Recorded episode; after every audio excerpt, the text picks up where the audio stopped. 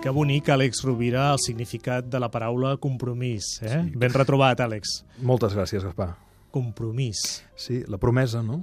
La promesa que neix de la voluntat. La promesa, la promesa que més neix de la voluntat i genera un comportament de, de responsabilitat. En el fons, darrere de qualsevol compromís, i això, hi ha una promesa amb allò que estimem, perquè voluntat ve del llatí volere, que vol dir estimar. Ara, la qüestió seria, d'on neix el compromís? D'on neix? Doncs neix de la confiança, Tu no pots comprometre amb... o de l'esperança. Tu no pots comprometre amb ningú amb qui no confies. Tu no et comprometràs amb res amb què no creguis que puguis veure un resultat. I per això el compromís és, eh, i la confiança són tan difícils de construir i tan fàcils de destruir, perquè en el fons neixen del respecte a la dignitat.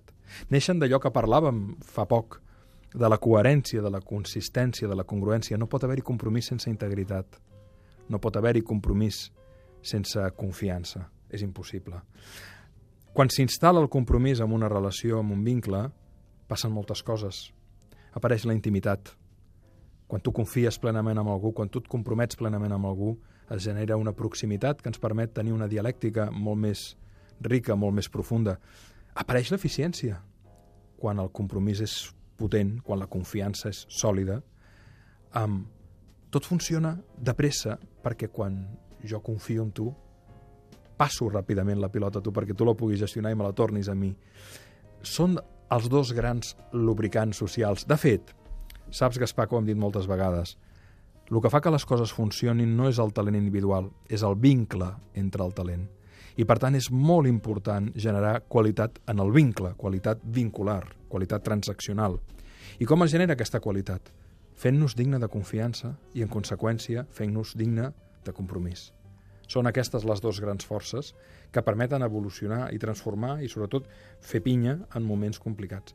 Sense confiança i sense compromís no avançaríem, no es, no s'avançaria cap a l'utopia, no construiríem allò que considerem que és impossible.